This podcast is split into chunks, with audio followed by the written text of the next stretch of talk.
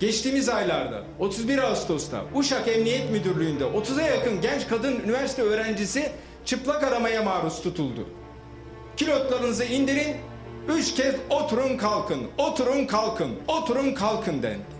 Utanç verici, yüz kızartıcı bir muameleydi bu. Türk Polis Teşkilatı'na bu iftirayı atan ispatlamazsa namussuzdur. Şerefsizdir, haysiyetsizdir, alçaktır. Suç duyurusu olaydan hemen sonra olur. Bir kadını çıplak arayacaksın. Dakikasına bundan rahatsızlığını beyan eder. Bir sene beklemez. Onurlu kadın, ahlaklı kadın bir sene beklemez. HDP'li vekil Ömer Faruk Gergerlioğlu'nun meclis kürsüsünden cezaevleri ve emniyette çıplak arama yapıldığını dile getirmesi siyasetin gündemine oturdu. Aynı zamanda TBMM İnsan Haklarını İnceleme Komisyonu üyesi de olan Gergerlioğlu'nun Uşak Emniyet Müdürlüğü'nde üniversite öğrencisi 30 kadının çıplak arandığına ilişkin açıklamasına hükümet çevrelerinden sert tepkiler geldi. Bu iftirayı ortaya atmak alçaklık ve namussuzluktur. Bu bir FETÖ propagandasıdır. Yörüngesinde dönen karşı çıkışların dışında ispatı için yazılı belge isteyenler dahi çıktı. Ancak tansiyonu yükselten yanıt AK Parti Grup Başkan Vekili Avukat Özlem Zengin'den geldi. Yüksek perdeden yaptığı ve özellikle kadınları hedef alan konuşmasının ardından çıplak aramaya maruz kaldığını ilk kez açıklayan kadın ve erkeklerin birbirini pekiştiren beyanları gelmeye başladı. Aralarında Türkiye'nin çok yakından tanıdığı mücella yapıcı Selda Bağcan, Atilla Taş ve Eren Erdem gibi isimler de vardı. Sosyal medyada başlatılan çıplak aramaya sessiz kalma kampanyasıyla kaynayan kazan kapak tutmaz misali Türkiye'nin dört bir yanından farklı beyanlar okuduk, dinledik. Öyle ki ziyaretler esnasında çıplak arandığını söyleyen hükümlü ve tutuklu yakınları da travmalarıyla geniş kitlelerin önünde yüzleşmek zorunda kaldı. Belki de kendileriyle bile yüzleşmeye henüz hazır değilken. Bağımsız, objektif, kaliteli haber. Kısa Dalga Medya. Ben Pervin Metin. Kontrast programında bugün kişinin saygınlığını, onurunu yok sayan bu uygulamanın mağduru iki ismi konuk ediyoruz. Hak savunucusu ve aktivist Zeynep Duygu Ağbayır ile CHP Parti Meclisi üyesi Eren Erdem, çıplak aramanın hayal mahsulü ya da kötü bir yalan olduğunu iddia edenlere bizzat yaşadıklarıyla cevap veriyorlar ve neden bunca zaman sessiz kaldıklarını, suç duyurusunda bulunmadıklarını anlatıyorlar. Avukat Gizay Dulkadir ise Türkiye'de çıplak arama uygulamasının yasal olup olmadığını, hangi koşullarda yapılıp yapılamayacağını hukuki dayanaklarıyla Kısa Dalga Podcast dinleyicileri için açıklıyor. Bu kez sadece onlara kulak veriyoruz.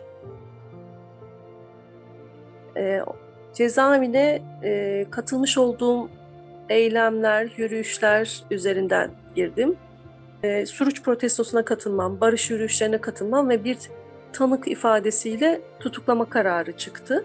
Hı hı. Bu tutuklama kararı ile birlikte Ağrı cezaevine gönderildim. Ee, bir iki kadın kadın gardiyan beni soğuk bir odaya aldılar. Böyle soğuk bir oda. Zaten kıştı. Ee, ve soyunmamı istediler. Ben anlamlandıramadım. Yani soyunmaktan kastı herhalde dedim sadece iç çamaşırımı mı görmek istiyorlar? Hani südyen falan mı? Böyle sordum hakikaten. Yani dedim südyene mi bakacaksınız dedim. Ya anlamıyorum olayı. Tamamen soyun dediler. İç çamaşırında kalmayacak dediler. Hayır bunu yapmayacağım. Ve tartışmaya başladık. Hayır dedim soyunmayacağım dedim. Çökmeyeceğim yere dedim. Ben başörtülüyüm. Karşımdaki iki gardiyandan biri de başörtülü. Ve o başörtülü olan kadın şu cümleyi kurdu bana. Eldivenlerini taktı. Dedi ki sen bilirsin ben de dedi e, askerleri çağırırım. Dışarıdaki askerleri. Birlikte soyarız seni dedi. Böyle bir kaldım. Sen dedim benim hem cinsimsin. Bunu bana nasıl yaparsın dedim. Yapmayacağım dedim. Soyunmayacağım dedim. Gel sen soy beni dedim. Böyle elleriyle üstüm başımı parçalamaya kalktı. Ondan sonra şey eldivenleriyle çıplak bedenimi böyle eliyle dolandırdı işte. Tamam dedim artık ne arıyorsun? Hani çırılçıplak soydun artık dedim. Artık benden ne istiyorsun dedim. Yani daha ne yapmamı istiyorsun dedim. E, tabii ki kızdı. Bu kadarına dua et. Size bu kadar insanlık bile fazla gibi e, söylemlerle yarım saat soğukta kaldım. Direndiğim için öyle oldu. Kıştı. Ağrı'nın kışını da herkes bilir. Soğuktu. Çok sakinken e, o yaşadığım şeyden sonra koğuşa gittiğimde dizlerimin üstüne çöküp e, hıçkıra hıçkıra ağladığımı hatırlıyorum.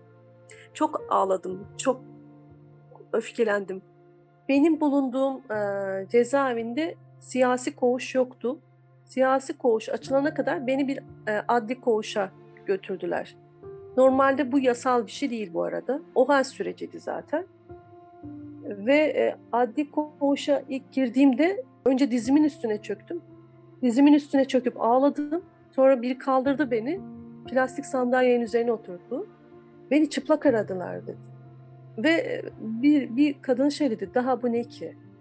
Ve iyice hıçkırı hıçkırı ağladığımı hatırlıyorum. Yapabileceğim bir şey yok yani en azından yaşadıklarımı inkar etmeden yaşamak istiyorum. Ee, Ben ilk defa açıkladım. Bu tartışma nedeniyle açıkladım.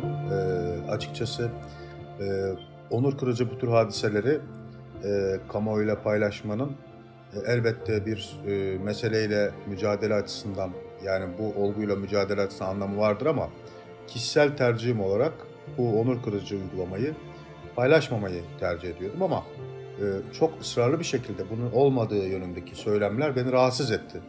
Ve ben de açıkçası bir öfke patlaması boyutunda ya bırakın kardeşim ya biz de yaşadık gibi bir e, çerçevede durumu e, açıklamak ihtiyacı hissettim.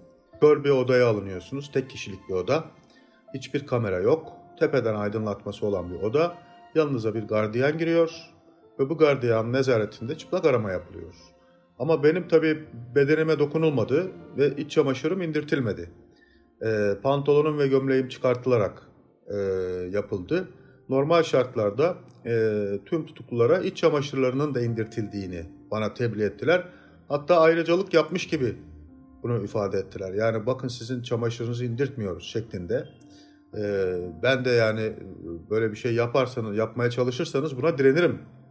E, buna karşı direnme hakkımı kullanırım. Beni kelepçelemek zorunda kalırsınız. E, yani belki kelepçelemeyi bile başaramayabilirsiniz. Yani çok üst düzey tepki gösteririm buna. Bedensel olarak buna tepkimi ifade ederim. Kavga ederim burada şeklinde söyledim.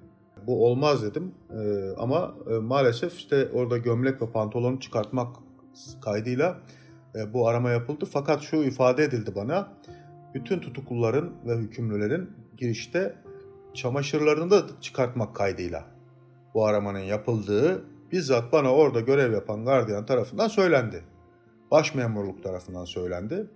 E, bunun bir prosedür olduğu, ben de böyle bir prosedürün olmadığını, bu konuda ahim kararları olduğunu, bunun bir işkence yöntemi olduğunu, insan hakkı ihlali olduğunu ifade ettim ama tabii yani bu çok e, makul bir e, merci değil bu tür beyanları kullanmanız açısından. Ben direneceğimi söylediğimde zaten çok sayıda gardiyan o kabinin önüne gelmeye başladı.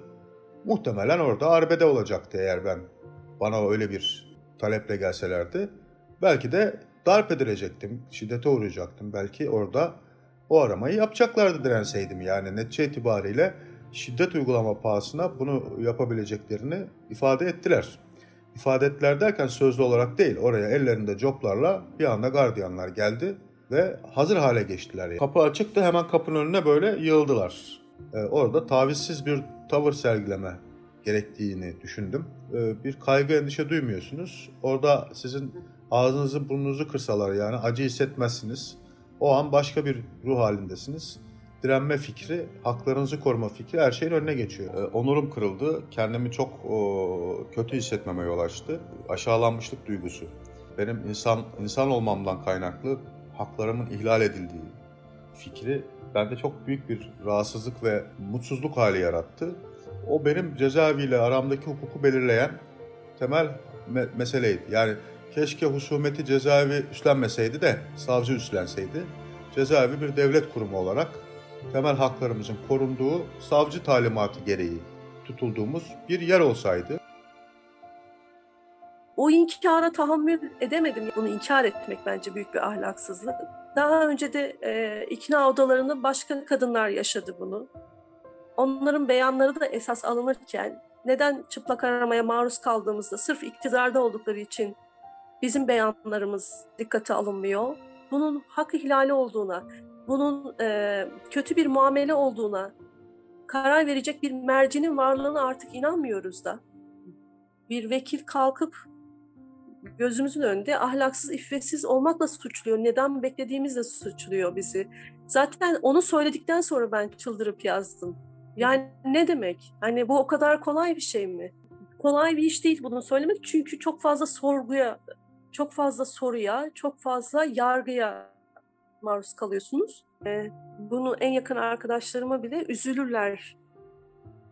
Ee, üzülürler diye anlatmadım. Yani ailem de herhalde işte bir, bir haftadır falan herhalde okumuşlarsa tweetlerimden görmüşlerdir. Sevmeyenlerin de beni sürekli yargılamasından bıktım. Seninle ilgilenilmesini mi istiyorsun? Yani bunun gibi irite edici çok fazla şey var, yazanlar var gördüm ben. Hani evet var çıplak arama. Bak bunu bunu yaşadım. Nasıl ispatlayabilirim sana?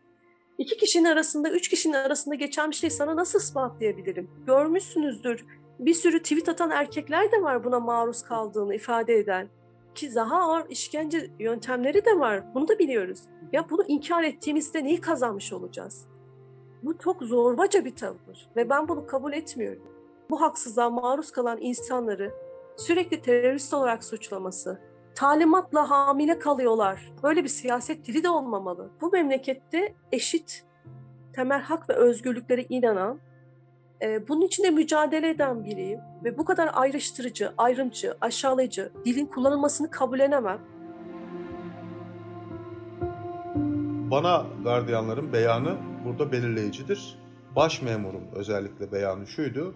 Ee, biz burada normalde çamaşırları da indirerek arama yapıyoruz. E şimdi ya bu da bir itiraf. Ya Özlem Hanım mesela ben Özlem Hanım'a çağrı yapıyorum. Silivri 9 nolu cezaevinin baş memurunun beyanı bu. Buyurun komisyon kurum mecliste tanık olarak çağırın dinleyin. Ben de geleyim oraya. Ya da bir insan hakları heyeti oluşturun gidin cezaevine. Öyle işkembeyi kübradan sallamak kolay tabii yani. Yani Özlem Hanım'ı Allah oraya düşürmesin. Biz istemeyiz. Tam tersine. Onun başına haksız bir yargılama gelirse ona da karşı çıkarız. Biz herkes için adaleti savunuyoruz. Ama Allah muhafaza bugün başına bir kötü bir şey gelse, yani bir hukuksuzluk yaşasa aynı şeyi ona da yaşatacaklar. Bu bir rejim. Özlem Hanım'ın da karşı çıkması gereken bir rejim.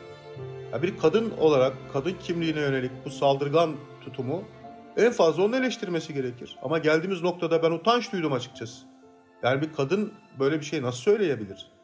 Nobran kaba siyaset tarafından körleştirilmiş bir erkeğin söyleyebileceği bir cümledir bu bana göre. Yani bir kadının hangi e, segmentte olursa olsun zikretmekten utanç duyacağı ifadeler bunlar. Beni yüre, yüreğimi yaraladığı için ben o açıklamayı yaptım ya. Yani yeter artık demek adına. Ya arkadaş ben de yaşadım dedim yani. Yaşadık. Tunca Özkan da yaşadı. Ya Can Dündar da yaşadı. Öbürü de yaşadı. Berik herkes yaşıyor. Cezaevine giren herkesin başına geliyor bu. Ve bunu bir de utanmazca FETÖ propagandası olarak tarifliyorlar. Ya böyle bir şey olabilir mi? Ne demek yani? Ben bu gerçeği söyleyince FETÖ'cü mü oluyorum ya? Bu bir rutin uygulamadır. Ee, bizim ceza infaz kurumlarımızın e, yüzünü kızartacak, alnına kara leke vuracak bir uygulamadır. Dolayısıyla bu işin müsebbibi, sorumlusu e, İçişleri Bakanlığı'ndan ziyade Adalet Bakanlığı'dır. Çünkü Adalet Bakanlığı personel tarafından bu uygulama yapılmaktadır. Kör odalarda yapılan aramalar bunlar. Dolayısıyla siz şu saatte üstüm çıplak arandı, kamera kaydı var diyemiyorsunuz. Adalet Bakanı kalkıp e, Özlem Zengin'i savunuyor. Yani şunu yap şunu yapamaz mıydı? Yani bu vakaları izleyeceğiz, takip edeceğiz. Derin üzüntüyle karşılaş, karşıladık. Ya hiç olmazsa bari şey olarak yap. Yani yapıyormuş gibi de yap. Koca bir kitleye yapılan büyük bir haksızlık var. İnkar söz konusu. Üstüne üstlük hakaret var. Hiçbir insanın onurunu, haysiyetini, ahlakını tartışmaya açacak hiç kimsenin böyle bir cüreti olamaz. Bu değil, vekil değil, bakan değil, herhangi bir şey. Kimse kimsenin onurunu tartacak kudrete sahip değil. Kim kime e, gideceğiz? Hukuk e, iktidarı koruyorsa biz nereye gideceğiz? Yani nereye gidip suç duyurusunda bulunayım ben? E, şunu yazarken bile, söylerken bile içimde elbette ki bir korku, yani bunu dinleyecek olan çıplak aramaya maruz kalmış ama konuşmakta çekinen e, insanlar olduğunu biliyorum. E, olacak yani. Çünkü yazdıktan sonra da bana özelden yazan insanlar oldu. Ben de o korkuyu taşıyorum.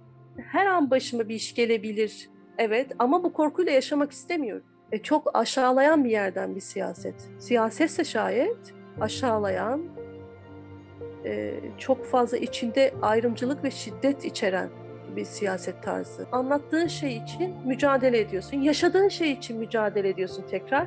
Bir anda bütün her şey tekrar karşına geliyor ve şey diyorsun. Aa ben bunu aşmamışım. Bu hala içimde bir yerde ve çok büyük bir ağrıymış. Ve üstüne koşa koşa gelen böyle zorba insanlar var. Bağımsız, objektif, kaliteli haber. Kısa Dalga Medya. Yargı ve bu infaz süreçleri tek tip uygulamalara tabi tutulmamalı. Mesela uyuşturucu tutukluları ya da hükümlülerinin e, çok affınıza sığınarak hani e, bunu ifade etmem gerekiyor. Cezaevi girişlerinde makatlarının içerisine uyuşturucu hapları makatlarının içerisinde koğuşlarına soktukları yönünde çok sayıda tutanak var mesela. Bunları da biliyoruz. Ama şimdi uyuşturucu tutuklusu için belki bu çok özel bir denetim yöntemi olarak değerlendirilebilir.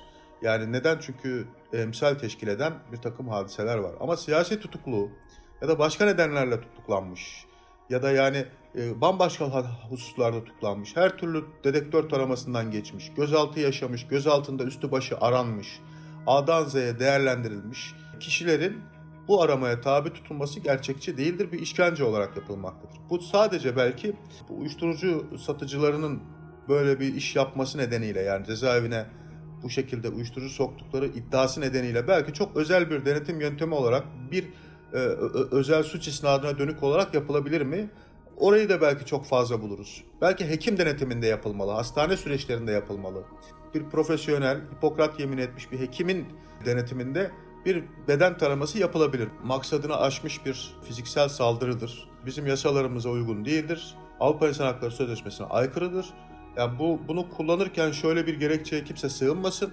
Ne yani cezaevine uyuşturucu mu soksunlar? Hayır efendim yöntemi belli. Şimdi onun dışında orada yapılan uygulama e, yetkin olmayan kişiler tarafından yapılıyor. Gardiyanın yani insan karşısındaki bir kişinin bedenine dokunma hakkı ve yetkisi olmayan bir kişi gardiyan. Böyle bir eğitimi de yok.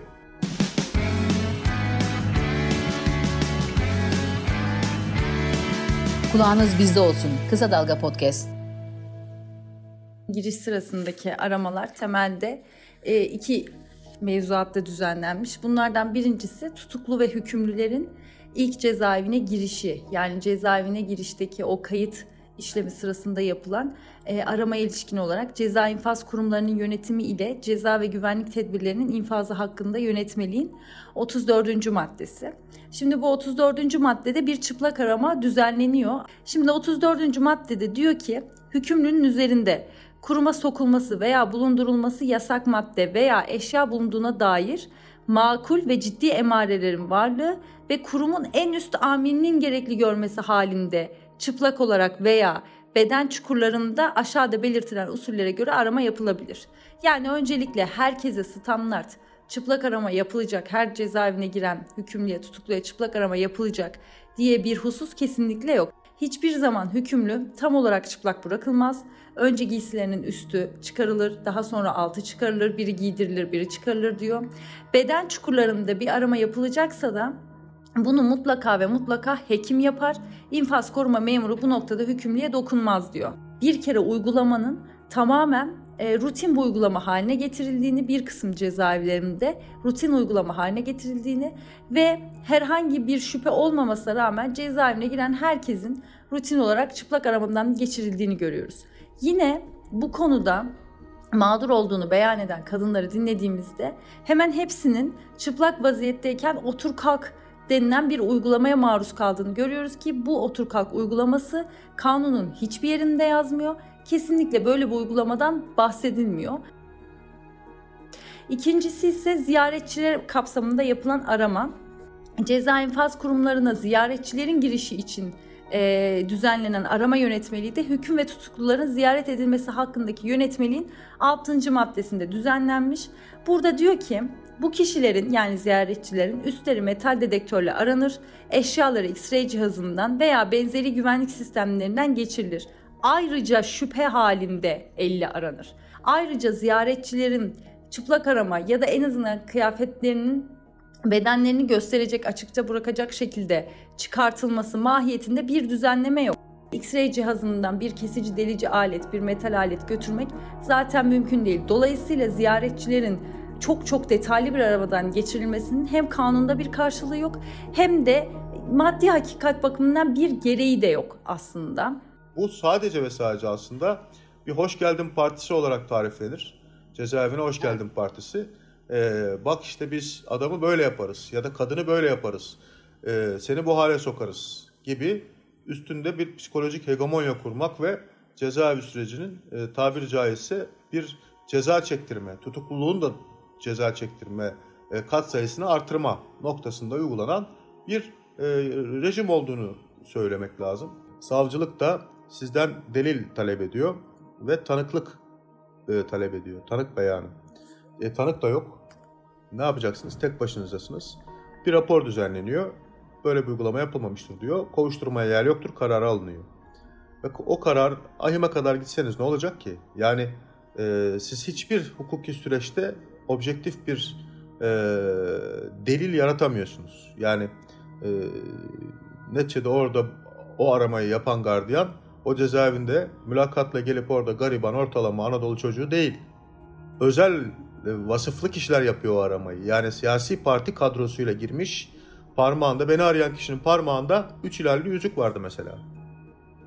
Aramadan çıktıktan sonra bana bir laf söyledi. Buranın ağası benim dedi. Burada dedi senin borun ötmez. Dedim, ben dışarıda ağa değildim ki zaten. Hep emekçiydim. Ee, ama hayatım boyunca hep ağları dize getirdim. Sene de dize getiririz sorun yok dedim. Anayasamızda ve tarafı olduğumuz Avrupa İnsan Hakları Sözleşmesi'nde net bir şekilde işkence ve kötü muamele yasağı vardır. Ve bu kesinlikle bir soruşturmaya konu edilmesi gereken bir hadisedir. Anayasa Mahkemesi bu konuyla alakalı 5 Ocak 2021 tarihinde bir karar yayınladı. Bu kararda Rüya Ağdaş Sönmez isimli bir vatandaş 2016 yılında İstanbul Aksaray'da götürüldüğü bir polis merkezinde e, polisler tarafından kötü muameleye ve çıplak aramaya maruz kaldığından bahiste bir suç duyurusunda bulunuyor ve e, bu suç duyurusu bakımından e, kovuşturmaya yer olmadığı karar veriliyor. Daha sonra işte bu kararın kesinleşmesine mütakip Anayasa Mahkemesi'ne başvuruyorlar ve Anayasa Mahkemesi diyor ki burada kötü muamele yasağının ihlali vardır. E, buna ilişkin etkili bir soruşturma yürütmeniz gerekir diyor ve bir hak ihlali kararı veriyor. Bu insanlar işte susmuşlar, konuşmamışlar vesaire de değil. Hemen anında suç duyurusunda bulunanlar olmuş. Bunlardan biri de mücella yapıcı. Ki anında suç duyurusunda bulunup bulunmamaları kendileri aleyhlerine kullanılamaz. Neden kullanılamaz? Bu insanların hemen hepsine denmiş ki bu standart bir uygulama. Biz bunu içeri giren herkese yapıyoruz. Dolayısıyla insanların bu konuda hukuki bilgi eksikliğinin olması, bu yapılanın aslında keyfi ve mevzuata aykırı olduğunu bilmesi ve anında tepki göstermesi bir kere bu insanlardan beklenebilecek bir şey değildir. İkincisi bir tutuklunun ya da hükümlünün cezaevine girişi sırasında bu aramalar, kayıt işlemleri yapılırken orada yalnızca infaz koruma memuru ve tutuklunun kendisi bulunur. Orada infaz koruma memurları dışında bir şahit, bir delil vesaire ya da yanında üçüncü bir tarafsız bir şahsın bulunması söz konusu değil. Bu kapsamda bu tip uygulamalara karşı çıkan insanların yine cezaevindeyken başkaca sıkıntılar yaşadıkları da kendi beyanlarında mevcut. İşte siz neden hemen konuşmadınız? Neden hemen itiraz etmediniz? şeklindeki e, beyanları çok gerçeklikten uzak. Trajikomik. Kamuoyuna yansıyacağını düşündüğümüz için e, o cezaevi sürecinde ailemin böyle bir travma yaşamaması. Yani içerideyim, onlar dışarıda, hakkımda ciddi kaygılar yaşamasınlar diye biz o dönem suç duyurusunda bulunmadık. Keşke bulunsaydık yani ayrı bir konu. Ama o an farklı bir duyguyla hareket ettik. Yani şimdi annem kalkıp ya benim oğluma içeride neler yapılıyor gibi bir kaygı yaşarsa hani sıkıntı olur. Ee, onun yerine sineye çekmeyi tercih etmek durumunda kaldım. Dışarıdakilerin ruh halini olumsuz etkilememe adına. Çünkü neticede siz İçeride ne yaşarsanız yaşayın, geldiklerinde dik durmalı ve gülümsemelisiniz. Burayı da yönetmek tutuklunun görevidir. Yani biraz siyaset tutuklunun görevi çoktur. Siyasetin e, kurgusunu yönetmenin yanı sıra dışarıdakilerinizi de yöneteceksiniz. O bazen böyle ağır fedakarlıklara da yol açar. Siyasette dönem dönem popülist çıkışlar anlarız biz. Hani e, bütün siyaset çehresinde bu olur yani. Hani birileri çıkar bir popülist tartışmanın e, tarafı olurlar. Bunun üzerinden gündemde kalırlar. Ama Özlem Zengin çok büyük yaralar üzerinden bunu yaptı. Yani bilmiyorum bunu hesapladı mı? Yani bir tartıya koydu mu çok etik dışı bir gündeme geliş şekli. Yani bunu savunmanın ileride çok büyük şeyler olacak. Vicdani yükümlülüklerini taşıyacağını düşünüyorum. Ee, ben halen daha yüreğinde e, gizli bir kadının olduğunu düşünüyorum Özlem Zengin'in. Baskılanmış ve tümüyle devre dışı bırakılmış bu eril düzende, e, eril sistemin e, katletmeye yüz tuttuğu ama halen direnen bir kadın olduğuna inanmaya çalışıyorum Özlem Zengin'in. Yani bu, bunun yükünü onun omuzlarına teslim etmek lazım.